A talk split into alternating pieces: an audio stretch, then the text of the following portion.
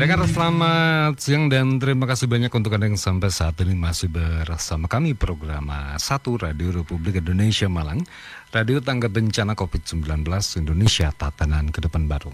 Kita sudah sampai di rangkaian Lintas Malang Siang Dan seperti yang sudah saya sampaikan tadi Siang hari ini kita mengawali rangkaian Lintas Malang Siang dengan dialog interaktif Dengan topik pembahasan manajemen penanganan kegawat daruratan pasien kasus bedah di unit gawat darurat. Dan sedikit memberi gambaran pendengar, gawat darurat ini keadaan klinis ya, seseorang yang membutuhkan tindakan medis segera guna penyelamatan nyawa dan juga pencegahan kecacatan lebih lanjut. Dan menurut pakarnya, Dorlan, kegawat daruratan ini adalah kejadian yang tidak diduga atau terjadi secara tiba-tiba, sering kali merupakan kejadian yang sangat berbahaya.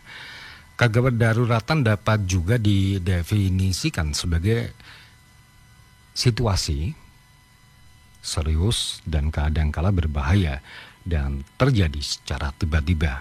Tapi lebih jelasnya akan disampaikan oleh Dr. Dia Adriana spesialis bedah yang sudah siap untuk berbagi ilmu nih, untuk berbagi informasi terkait dengan manajemen penanganan kegawat daruratan pasien kasus bedah di unit gawat darurat. Selamat pagi dok. Selamat pagi. Ya, apa kabar nih dok pagi ini? Alhamdulillah baik. Alhamdulillah baik dan selamat datang juga di Gracia Radio Republik Indonesia Malang.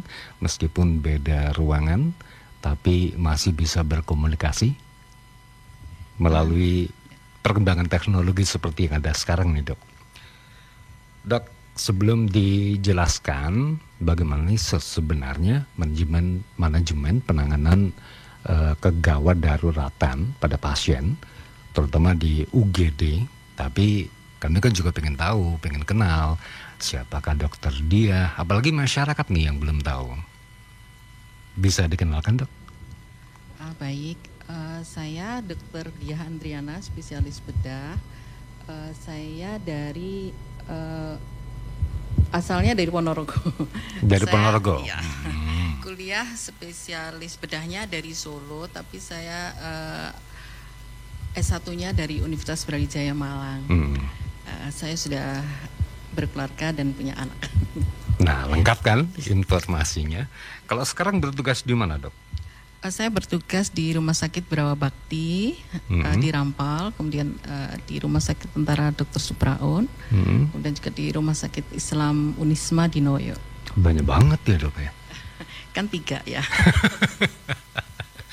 Tapi mudah-mudahan tetap sehat, Dok ya sehingga bisa menjalankan tugas sebaik mungkin. Masalahnya banyak sekali loh yang harus ditangani, ya kan? Nah, dok, ini kami juga ingin tahu nih, ya anggap saja kita lagi kuliah satu semester dikerjakan dalam satu jam gitu ya, siang hari ini. Seperti apa dan bagaimana sih sebenarnya manajemen penanganan kegawat daruratan pasien itu sendiri? Uh, ya, jadi kegawat daruratan itu ada dua macam ya, ada hmm. yang trauma dan ada yang non trauma. Nah, uh, dalam hal ini kita berbeda ya penanganannya ya. Yang untuk trauma itu kita yang terutama adalah membebaskan jalan nafas dulu ya. Uh, jalan nafas harus bebas, hmm. uh, tidak ada sumbatan, tidak ada lendir, tidak ada debu. Mungkin kalau kecelakaan ya seperti yang rame baru-baru ini ya uh, itu tidak ada uh, sumbatan darah cairan maupun uh, misalnya tersumbat benda asing misalnya pecahan kaca dan sebagainya itu tidak boleh kemudian uh, setelah jalan nafasnya bebas itu yang perlu diperhatikan adalah bagaimana apakah ada oksigen yang bisa masuk ke paru-paru kita? Ya itu breathing istilahnya ya. Itu juga tidak boleh ada sumbatan. Karena oksigen itu uh, sangat penting ya. Sangat penting dibutuhkan oleh seluruh organ vital di dalam tubuh kita. Ya, jadi kita harus membebaskan jalan nafas, kemudian uh, jalan nafas harus sampai ke paru-paru karena di situ akan dibawa oleh aliran darah ke seluruh organ-organ vital. Setelah itu baru kita uh, menyelamatkan sirkulasi atau aliran darah kita ya. Jadi yang membawa oksigen tadi juga harus lancar. Kalau misalnya ternyata di situ terjadi shock ya, misalnya terjadi perdarahan yang banyak sehingga aliran darah yang di dalam pembuluh darah itu kurang, nah itu juga akan terjadi kerusakan organ-organ vital yang lain. Nah itu yang C-nya. Kemudian uh, kesadarannya ya. Jadi uh, kesadaran pasien ini harus diperhatikan betul. Apakah dia sadar atau setengah-setengah sadar? Karena itu akan berhubungan dengan susunan saraf yang ada di otak kita ya. Nah kemudian baru kita uh, membebaskan misalnya organ-organ kita yang mengalami trauma itu apa itu harus kita tangani. Jadi hmm. airway, breathing, circulation, uh, disability dan exposure-nya itu untuk yang trauma. Nah untuk yang non trauma pada prinsipnya sebenarnya sama hanya uh, mungkin kita lebih uh, pemeriksaan dari seluruh tubuh. Jadi apa hal yang paling urgent yang menyebabkan pasien tersebut mengalami kegawatan dan uh, kedaruratan begitu. Itu prinsipnya. Ya, dok dalam penanganan dalam penanganan ketika menghadapi kondisi gawat darurat, gawat darurat seperti yang biasanya terjadi di UGD di hampir semua rumah sakit kan memang hampir sama gitu.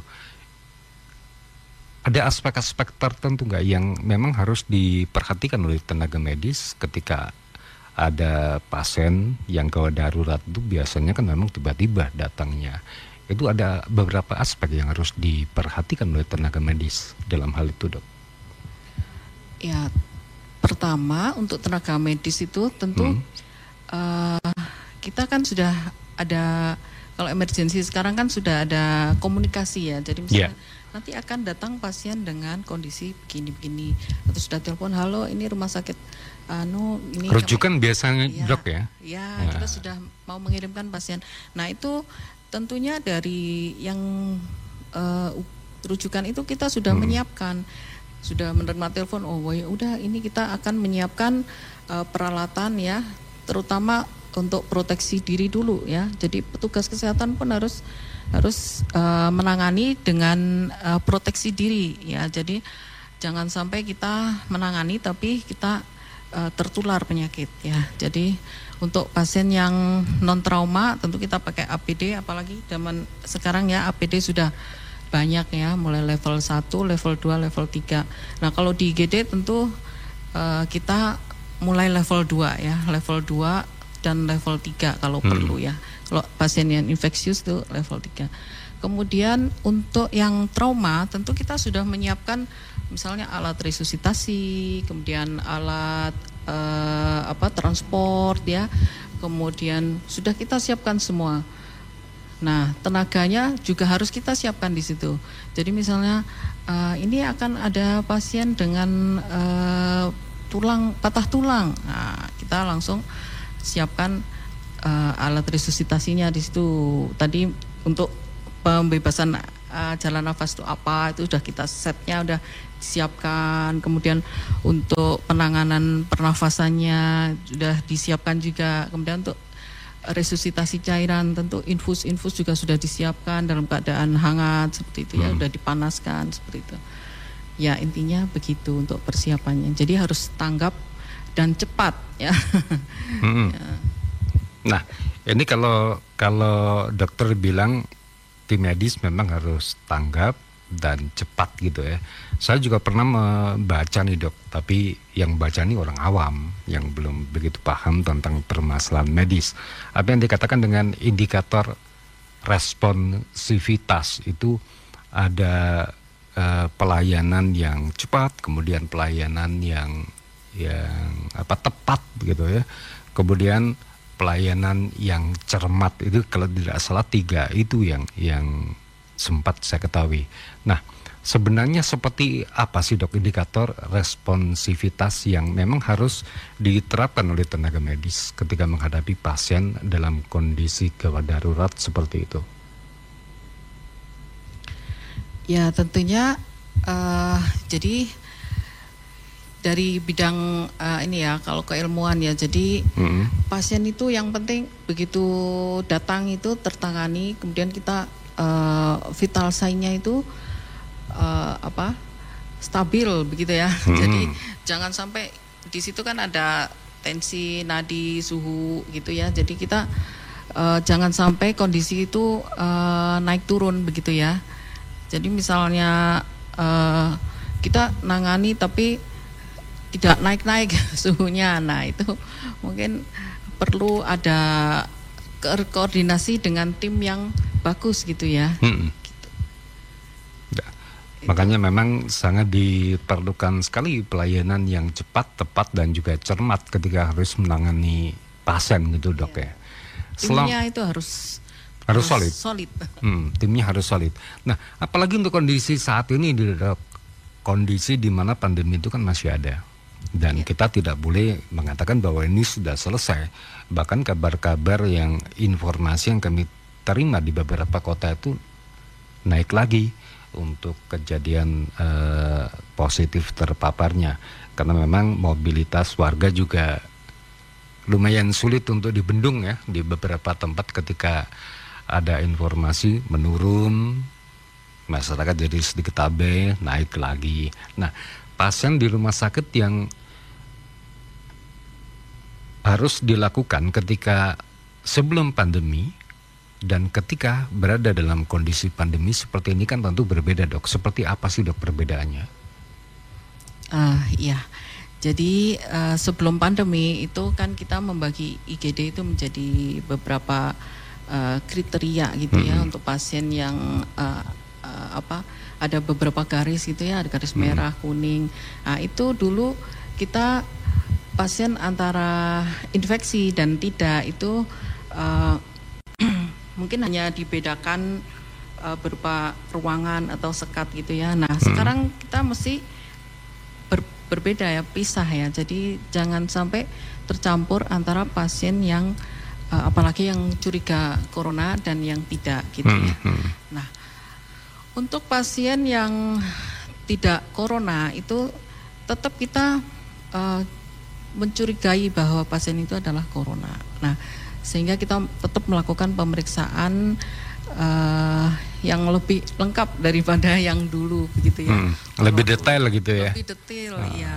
Jadi semua pasien yang uh, masuk itu kita harus uh, cek secara lebih lengkap begitu aja. Jadi kita sudah ada ruangan tersendiri antara yang corona dan yang bukan. Kalau udah jelas corona, nah kita kan ada ya dari di depan itu sudah ada seleksinya ya dari rujukannya juga mungkin sudah diterangkan bahwa ini akan mengirim pasien corona. Nah untuk yang tidak jelas, nah itu ada ruangan untuk pemisahannya itu ya pemisahan antara hmm. pasien corona dan bukan begitu. Jadi bedanya itu aja. Tapi lumayan menakutkan bagi sebagian masyarakat. Dan kita berikan kesempatan kepada pendengar untuk bisa bergabung di acara ini. Barangkali ada yang ingin ditanyakan dok ya. Boleh. Boleh.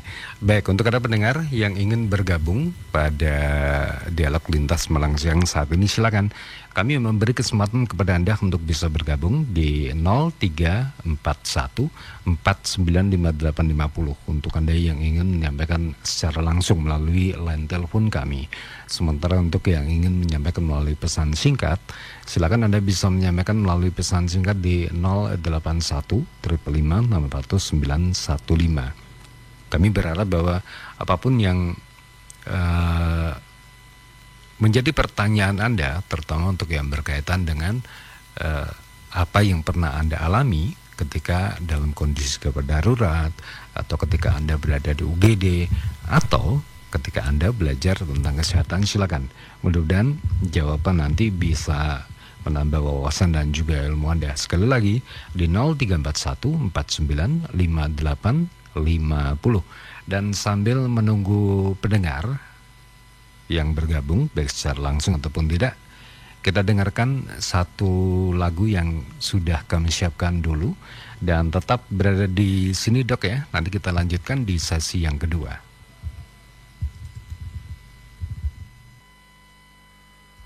Inilah Radio Republik Indonesia. RRI, Radio Tangga Bencana COVID-19.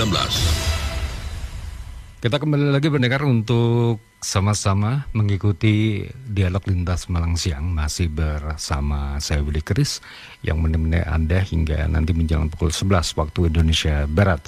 Dan pembahasan masih tentang manajemen penanganan kegawat daruratan pasien kasus bedah di UGD bersama Dr. Dia Adriana, spesialis bedah yang saat ini juga sudah siap untuk melanjutkan kembali kebersamaan di dialog lintas Malang siang. Dok masih bersama kami di sini, Dok. Ya. Ya, masih gitu ya.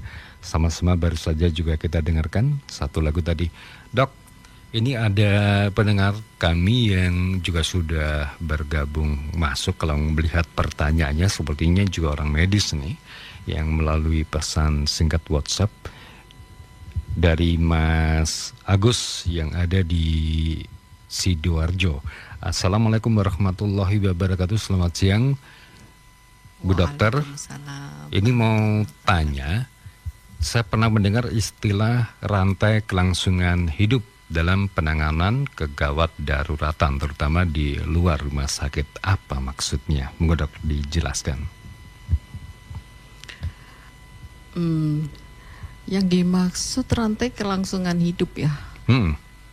Jadi gimana ya kalau di yang kita sepanjang yang kita ketahui itu ya hmm. uh, apabila ada uh, apa kegawat daruratan tentu ada penyebabnya ya. Jadi uh, kalau di secara medis itu kan ada trauma dan mm -hmm. trauma tadi sudah saya sebutkan. Nah, yang mungkin yang dimaksud kelangsungan hidup uh, rantai kelangsungan hidup mungkin yang non trauma mungkin ya. Mm, mungkin. Jadi uh, mungkin ya tadi kan kegawatan itu ada yang misalnya uh, ya kalau penyakit bedah itu kan ada dibagi menjadi lima lagi ya jadi masih oh, banyak masih banyak ya. Bu ya jadi masih nah, banyak ini yang ada... perlu perlu diketahui lebih dalam lagi nah tadi baru dijelaskan beberapa iya. ternyata juga masih banyak gitu ya iya jadi uh, ada yang trauma udah kita singkirkan hmm, dulu yang trauma yang ya trauma ada, sudah gitu ada ya yang non trauma ya non trauma hmm. sendiri itu ada infeksi ya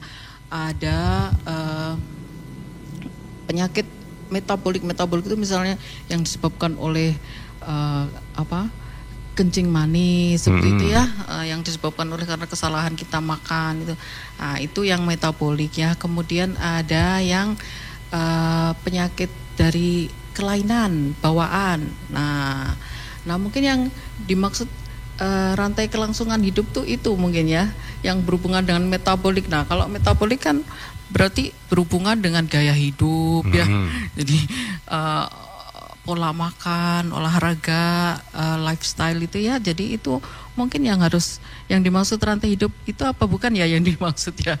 Ya, kemudian kalau kongenital itu banyak faktor ya. Kongenital itu bisa kondisi lingkungan ya. Misalnya kayak uh, bibir sumbing yang di mana itu? uh, di NTT itu dan ternyata hmm. setelah dilakukan penelitian ternyata di daerah tersebut uh, air minumnya atau itu ternyata kurang mengandung mineral mineral tertentu. Nah, itu hmm. penting ya mineral seperti zinc gitu ya. Hmm. Nah, kemudian vitamin D3. Nah, itu ternyata sangat berperan juga ya. Jadi kondisi lingkungan, sosial ekonomi ya. Uh, kalau kebanyakan juga uh, penyakit terutama pada anak gitu ya sangat berhubungan ya dengan sosial ekonomi hmm. begitu. Saya rasa begitu ya yang dimaksud rantai lingkungan uh, rantai apa rantai tadi? kelangsungan, kelangsungan hidup, hidup ya. Hmm. Jadi harus uh, sosial ekonomi bagus, hmm. kemudian kondisi lingkungan di daerah tersebut bagus. Misalnya di daerah yang uh, gunung kapur. Nah, di situ kan akan banyak pasien yang menderita apa tuh batu ya, hmm. ya, batu ginjal.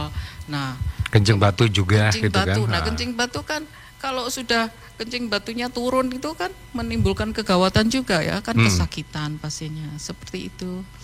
Ya, dok. Kalau untuk penanganan pasien gawat darurat, terutama untuk yang yang saat ini sering terjadi, itu ada protapnya nggak dok?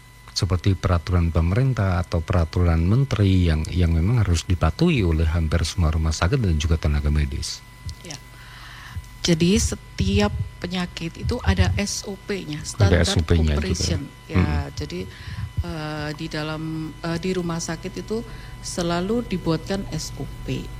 Ya, jadi misalnya penanganan penyakit pasien dengan shock, shock ke- eh, karena gula darah yang turun. Nah, itu ada urut-urutannya SOP. Nanti setelah SOP itu ada eh, protokol penanganan urut-urutannya. Jadi mulai pasangnya infusnya apa, kemudian diberikan obatnya apa, gitu ya. Itu jadi di dalam setiap rumah sakit itu harus membuat ya.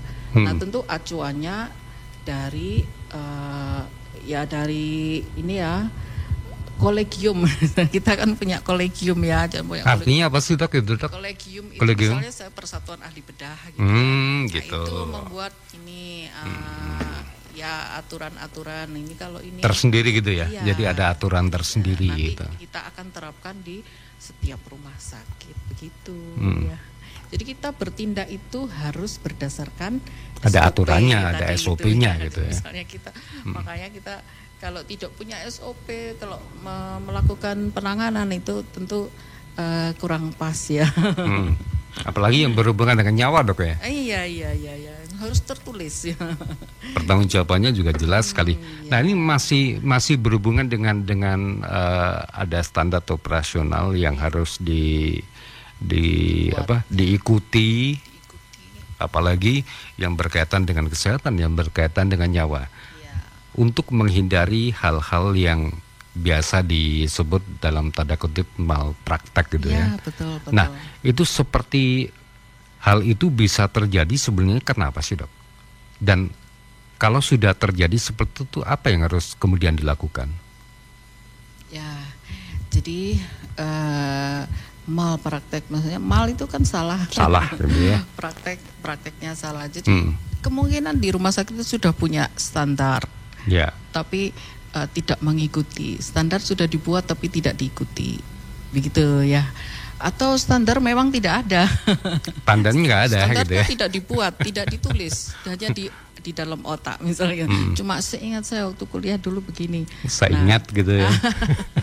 nah, seingat saya begini. Nah, setelah itu Hmm. melakukan tindakan. Nah, itu tidak tertulis. Nah, itu sebenarnya ya rawan ya. Jadi memang harus tertulis. Jadi kalau sudah tertulis kemudian kita sudah melakukan dengan benar pasiennya meninggal, ya tidak salah karena sudah seperti itu. Misalnya pasien sudah gawat sekali, sudah uh, shock, shocknya misalnya sudah tadi di uh, misalnya uh, yang bukan trauma aja ya, ini Hmm. misalnya pasien uh, di rumah sudah lama sakitnya sudah 10 hari, perutnya sudah kembung sekali, nah, kembung sekali sudah kekurangan cairan yang sekian banyak.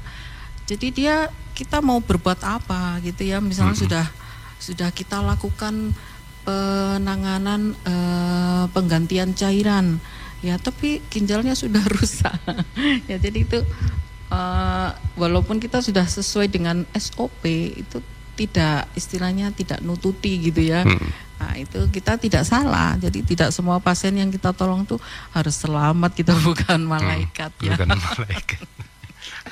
Tapi kadang-kadang masyarakat beranggapan kalau sudah ditangani dokter pasti sembuh gitu ya. Nah gitu. Baik, kembali untuk anda pendengar yang siang hari ini juga memiliki satu pertanyaan-pertanyaan tertentu. Tadi sudah saya sampaikan yang berkaitan dengan kesehatan gitu ya. Terutama ketika ada permasalahan gawat darurat, silakan Anda bisa bergabung bersama kami di sini untuk yang ingin menyampaikan melalui pesan singkat di 081 eh, di 0341 495850. Sementara untuk yang ingin menyampaikan melalui pesan singkat Anda bisa menyampaikannya di 081 355 600 915. Ini ada lagi eh, WhatsApp yang masuk kali ini dari Akmal. Akmal yang ada di Malang Selatan, Gondang Legi. Selamat malam, selamat siang. Terima kasih banyak Akmal. Assalamualaikum warahmatullahi wabarakatuh. Ini mau tanya, Bu Dokter, ini pengalaman sering terjadi di beberapa rumah sakit, baik yang ada di Malang ataupun yang ada di luar Malang, terutama yang ada di rumah sakit pemerintahan. Saya pernah mengantar orang tua yang baru saja mengalami kecelakaan. Tapi untuk hal-hal tertentu yang terjadi, pasien tidak ditangani terlebih dahulu karena kami harus mengurus administrasinya terlebih dahulu dan itu berbelit-belit. Mohon pencerahannya, menggodok ini barangkali juga bisa dijawab. Pengalaman pribadi rupanya dari Mas Akmal ini. Ya, uh, memang setiap rumah sakit berbeda. Beda gitu ya. Ini uh, kebijaksanaannya ya. Uh, sebenarnya di dalam setiap rumah sakit itu ada uh, cadangan obat emergensi ya. Hmm. Uh, tentunya kalau uh, ada yang harus mengurus administrasi itu saya rasa bisa keluarganya ya kalau hmm. administrasi itu untuk pasien ya harus tetap segera ditangani oleh dokter begitu. Jadi kalau untuk administrasi saya rasa untuk yang mengantar yang mengurus hmm. gitu ya. Ini yang dimaksud administrasi dalam bidang apa kan banyak ya administrasi Betul. ya. Ini misalnya ini contoh kalau ini yang pernah salami sendiri misalnya pasien tetap gitu ya di di ruang perawatan tapi juga eh, keluarga yang mengurusi pasiennya. Tapi kemungkinan ada beberapa syarat yang yang belum terpenuhi. Kalau melihat kecelakaan ini sepertinya kurang eh, surat dari kepolisian atau apa gitu dok. Karena yang di, disampaikan ini kecelakaan. Ada administrasi yang memang harus diurusi dan itu jelimet gitu. Sebenarnya harusnya bagaimana dok? Pasien ditangani terlebih dahulu atau administrasinya lengkap dulu? uh, kita sebagai dokter ya sebagai hmm. manusia ya jadi uh, administrasi lengkap atau tidak itu harus segera ditangani. Tangani dulu gitu ya. ditangani hmm. dulu. Karena kita harus menyelamatkan dulu pasien. Hmm. Uh, kemungkinan yang sering terjadi itu begini ya. Jadi pasien sudah masuk, kemudian sebenarnya sudah kita tangani juga hmm. gitu ya. Sudah kita tangani juga, tapi kadang uh, mungkin keluarga tidak tidak tahu yang tidak tahu. tadi itu apa. Hmm. Mungkin kita sudah memasang infus, kemudian sudah obat-obatan kita masukkan, kemudian ya, ya kita kan harus menunggu. Kadang kalau mau ada tindakan operasi atau tindakan sesuatu yang membutuhkan uh, uh, apa ya tanggung jawab ACC, keluarga ACC, gitu, ACC, tanda tangan gitu dok ya, tanda tangan ah. ya itu itu harus ya kita terpaksa ya harus menunggu ya. Jadi sampai misal, keluarganya datang. Iya ya hmm. tidak harus keluarga ya. Kan ada ada ketentuannya juga ya. Siapa yang harus tanda tangan di situ? Hmm. kalau misalnya pasiennya sendiri sudah dewasa dan masih sadar itu bisa pasien sendiri. Kemudian kalau misalnya yang yang susah itu kan yang tidak sadar ya atau yang hmm. masih anak-anak. Nah itu nah itu mungkin kita harus menunggu di situ. Tapi kalau saya rasa kalau administrasi masalah keuangan atau apa kan bisa diselesaikan. Bisa nyusul apalagi sekarang juga ada jaminan sosial iya, ada kan. jaminan. Nah. Sebenarnya mengurus jaminan itu uh, kalau sudah pengalaman juga tidak sulit hmm, gitu. Satu hari kadang-kadang iya. selesai itu kalau kalau sudah sudah tahu jalannya bagaimana iya, gitu ya. Iya, iya. Yang jelimet kan ketika sudah terjadi kecelakaan. Mm -hmm surat belum diurusi sama sekali, ah. baru saja membuat. Iya. Nah, itu. Ada tunggakan lagi. Kadang ya. ini yang penting pada itu kan seperti kemarin kecelakaan itu kan uh, sebaiknya sudah ada pemberitahuan kan dari dirjennya sendiri hmm? Pada saat kecelakaan itu kita harus lengkap suratnya. Baik. Sehingga untuk mempermudah urusan. Baik. Dok, kita rehat sesaat karena ada informasi yang akan disampaikan reporter RRI di lapangan untuk Silahkan. berita terkini. Baik, pendengar kita lanjutkan nanti ada informasi yang akan disampaikan reporter RRI untuk berita terkini. RRI Radio Tangga Bencana COVID-19 Berita terkini Saudara pemerintah Kota Batu inventarisir pembangunan dam. Laporan selengkapnya disampaikan Mario Sidik. Mario. Wakil Wali Kota Batu Punjul Santoso mengatakan bahwa rencana tata ruang wilayah RT RW belum selesai sampai saat ini. Namun pihaknya dalam waktu dekat akan mendapatkan salinan tersebut dari pihak kementerian. Dan hal itu tinggal menunggu waktu saja dikarenakan memang untuk pihak legislatif dan juga eksekutif telah melakukan pembahasan tersebut. Nantinya dalam program ataupun juga terkait dengan rencana tata ruang uh, rencana wilayah yang disahkan oleh Kementerian Agraria dan Tata Ruang nantinya akan berpacu pada pembangunan dam yang akan dilakukan. Dalam beberapa hari ini pihaknya sudah melakukan inventarisasi titik mana saja yang akan dilakukan pembangunan cek dam atau dam pengendali karena hal ini memang dilakukan untuk bisa melakukan pencegahan terkait adanya potensi banjir bandang susulan. Sementara itu dari pihak Jasa Tirta 1 Raymond Valiando Ritan yang merupakan direktur utama mengatakan bahwa dalam penanganan pasca banjir, pihaknya sudah memiliki perencanaan untuk membangun cek dam di kawasan rawan terjadi bencana. Cek dam itu merupakan bangunan penahan sedimen, sehingga diharapkan tidak lagi terjadi banjir bandang yang ada di kota Batu seperti beberapa waktu yang lalu. Hal ini menjadi alternatif untuk bisa mengantisipasi adanya sedimentasi di wilayah hulu. Karena sedimen yang berada di alur pematus alami memang relatif lebih sulit karena harus melakukan penjangkauannya dengan menggunakan kendaraan yang memang ditujukan di tanah liat serta menggunakan uh, jalan kaki. Oleh karena itu pembangunan dam diharapkan bisa segera terrealisasi sembari menunggu aturan yang akan dikeluarkan oleh pihak dari Kementerian Agraria dan juga Tata Ruang. Mario Sidik melaporkan dari Kota Batu, kembali ke studio. RRI Radio Tangga Bencana COVID-19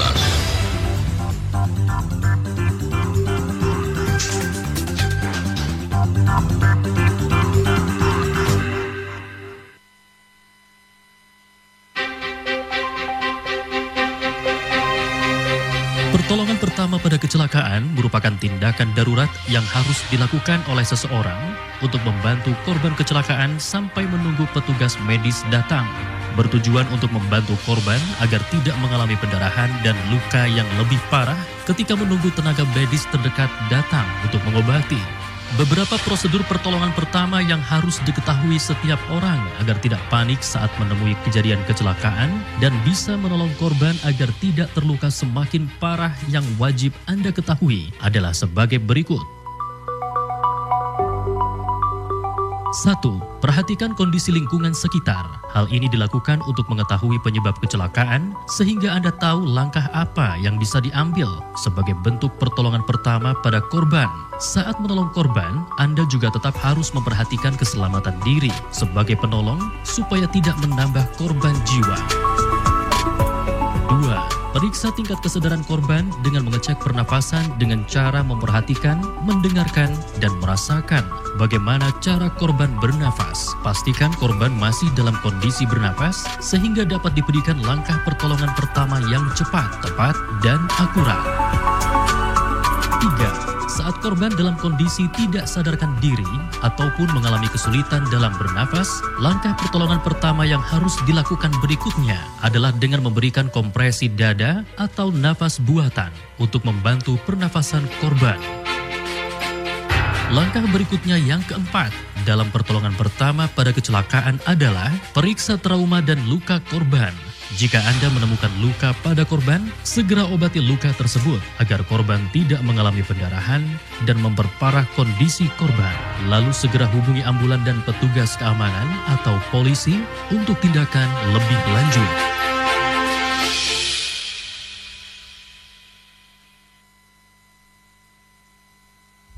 Inilah Radio Republik Indonesia.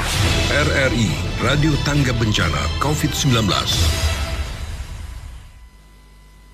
Pendengar baru saja kita dengarkan tadi informasi dari kawasan Kota Batu dan sekitarnya.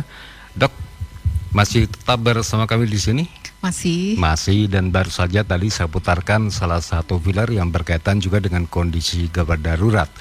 Yang diambil adalah ketika masyarakat gitu ya berhadapan dengan korban kecelakaan yang kadang-kadang karena ingin menolong tapi yang dilakukan justru malah memperparah korban kecelakaan itu sendiri. Nah, kalau melihat kondisi yang ada nih dok, baik itu yang ada di luar rumah sakit ataupun yang ada di dalam rumah sakit, sebenarnya ketika kita eh, tim medis terutama gitu ya menangani suasana gawat darurat atau keadaan gawat darurat itu kalau dilihat dari berbagai jenis penyakitnya atau keadaannya itu ada berapa macam sih dok? Misalnya kecelakaan bagaimana, kemudian menghadapi gawat darurat kondisi jantung misalnya, kemudian penyakit-penyakit yang lain yang memang harus membutuhkan uh, penanganan secepatnya operasi misalnya, atau ibu-ibu yang sedang hamil dan mau melahirkan, biasanya yang yang gawat darurat itu yang mendadak, misalnya menurut perkiraan 9 bulan ternyata di bulan yang ke-8 sudah uh, apa sih istilahnya pecah ketuban gitu ya dan harus ditangani. Nah, sebenarnya ada berapa macam sih dok untuk menangani suasana seperti itu? Ya, baiklah uh, ini karena tadi penanganan di bidang bedah ya saya hmm. saya batasin saja ya. Betul. Jadi ada di di bidang bedah tadi ada trauma, ada hmm. metabolik ya, ada metabolik, trauma, makanan tadi, hmm. kemudian ada uh, uh, kongenital yang disebabkan oleh hmm. kelainan anak-anak ya, hmm. kemudian uh, tumor ya, tumor juga bisa menyebabkan kegagalan. Kemudian yang lain-lain yang tidak diketahui ya, mungkin penyebab yang di luar itu hmm. gitu. Nah ini yang untuk trauma sendiri itu kita bagi dari ujung kepala sampai ujung kaki ya. Jadi beda-beda ya dok ya. Iya ada trauma kepala, hmm. trauma leher, benturan trauma, seperti itu? Iya, trauma hmm. di dada. Nanti ada penyakit-penyakit tersendiri yang disebabkan oleh trauma di dada, kemudian trauma di perut, ya, kemudian trauma di uh, apa tulang-tulang dan otot hmm. itu ya, itu termasuk patah tulang itu uh, istilahnya ekstremitas muskuloskeletal istilahnya. Ya, itu bah, untuk yang bahasa yang sulit itu. Kemudian yang bukan trauma medis. ya, ada kegawatan uh. misalnya uh, sumbatan dari usus ya, hmm. sumbatan. Kemudian ada robekan dari usus ya, robekan itu akan menyebabkan kegawatan daruratan sendiri. Hmm. Kemudian uh, ya adanya yang tadi metabolik tadi yang disebabkan karena kesalahan kita dalam hmm. uh, mengkonsumsi apa, makan itu gitu ya. juga akan menyebabkan suatu hmm. kondisi kedaruratan tersendiri ya. Jadi kemudian kalau di bidang pembuluh darah nih ya, misalnya ada sumbatan darah. Sumbatan tuh tidak hanya di otak ya. Hmm. Darah juga ada, Dok. Ya, sumbatan tuh tidak hmm. hanya di otak saja. Kemudian kalau ada sumbatan di dalam uh, pembuluh darah di dalam perut. Nah, hmm. di situ nanti ususnya itu semua tidak mendapatkan aliran darah. Di sumbatan di misalnya pembuluh darah kaki. Hmm. Nah, itu kakinya tidak ada aliran darah di situ sehingga kakinya akan membusuk. itu akan menyebabkan suatu kondisi emergensi. Begitu gambarannya ya. Kemudian pada anak-anak ya. Pada anak-anak juga ada suatu kondisi tertentu. Misalnya uh, baru lahir beberapa hari banyak tuh ya yang di kadang uh, disuapin makanan yang yang belum akhirnya, waktunya gitu ya. Nah, nah. nah sehingga akhirnya aliran ususnya itu tidak lancar. Hmm. itu akhirnya ususnya yang kecil masuk ke usus yang besar. Nah, itu yang disebut invaginasi hmm. ya, usus tersumbat seperti itu. Kemudian hernia ya, hernia yang terjepit itu hmm. itu juga kegawat daruratan tersendiri ya itu terus kelainan kelainan yang dari lahir hmm. misalnya dari lahir itu memang ususnya tidak nyambung buntu memang nah, ada dok yang dari lahir sudah ya, seperti itu iya atrisia namanya atrisia. ya nah, jadi hmm. ada atrisia juga banyak ya dari atrisia usus atrisia uh, apa yang dari apa itu dari lambung ke usus hmm. halus dari Nah, atrisia anus juga ada kan bayi yang kita makanya kalau punya bayi sebaiknya dicek ya. Hmm. Ini ada anusnya tidak, bisa BAB tidak gitu. Kalau, kalau misalnya seperti kembar siam itu termasuk kedaruratan nggak dok? Uh, kalau kembar siam, kalau di kedaruratan tidak ya. Kalau hmm. gawat bisa ya. Gawat tapi belum darurat gitu ya. ya tidak harus ditangani sekarang begitu. Uh. Yang gawat dan darurat itu yang tidak punya anus itu tadi. Hmm. Ya kalau tidak punya anus kan tidak ada pembuangan dalam berapa hari perutnya hmm. sudah kembung seperti itu. Ya. Dok, sayang sekali waktu yang kita miliki untuk ngobrol, untuk dialog, saya belajar nih dok anggap saja seperti kuliah satu semester nih, jadi satu jam seperti ini. Nah, dari apa yang sudah disampaikan dokter dari awal sampai sesaat yang lalu, apa sih dok sebenarnya intisari dari permasalahan topik kita hari ini, manajemen penanganan kegawat daruratan pasien kasus bedah di UGD. Ya, jadi uh, untuk pasien yang mengalami trauma itu memang sesuatu yang mendadak yang tidak kita kita ini ya tidak kita inginkan dan tidak hmm. kita sadari. Nah uh, mungkin untuk pencegahan aja ya kita ya hmm. mungkin kita kalau pencegahan tuh kita harus ya mengemudi dengan safety seperti itu ya yang dengan aman jaga kecepatan.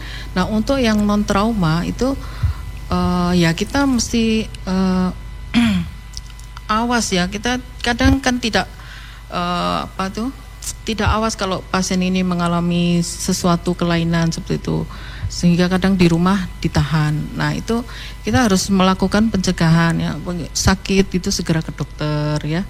Kemudian uh, apalagi ya, ya itu tadi kita harus walaupun awam itu harus mempelajari atau mengamati kondisi-kondisi yang kemungkinan e, menyebabkan terjadinya suatu kegawatan dan kedaruratan agar penanganannya itu tidak terlambat.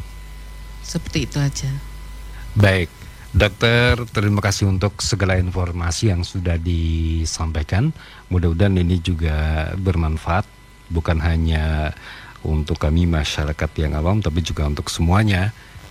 Apalagi untuk yang memang bergerak di bidang medis. Dan kita akan ketemu lagi di lain kesempatan dok dengan materi dan topik yang berbeda. Ya. kami masih perlu banyak belajar tentang materi medis kepada teman-teman dari medis terutama yang berkaitan juga dengan kehidupan kita sehari-hari. Dok, sekali lagi terima kasih banyak untuk kebersamaannya. Iya, sama-sama. Saya juga mohon maaf ya, ini soalnya memang kasusnya sangat luas mm -hmm. sehingga uh, apabila keterangan saya kurang jelas, mm -hmm. mohon maaf dan mungkin bisa bertanya langsung kepada dokter gitu ya. Iya. Baik. Baik, dokter sekali lagi terima kasih untuk kebersamaannya. Selamat siang dan nanti selamat melanjutkan kembali aktivitasnya. Sama-sama. Ya, pendengar itulah tadi yang sudah disampaikan oleh Dr. Diah Andriana, spesialis bedah tentang topik pembahasan mengenai manajemen penanganan pasien kasus bedah yang dalam kondisi gawat darurat. Terima kasih untuk kebersamaannya. Tetaplah bersama kami di sini program Satu Radio Republik Indonesia Malang. Sesaat lagi kami akan bergabung bersama Pro 3 RRI guna mengikuti dinamika olahraga.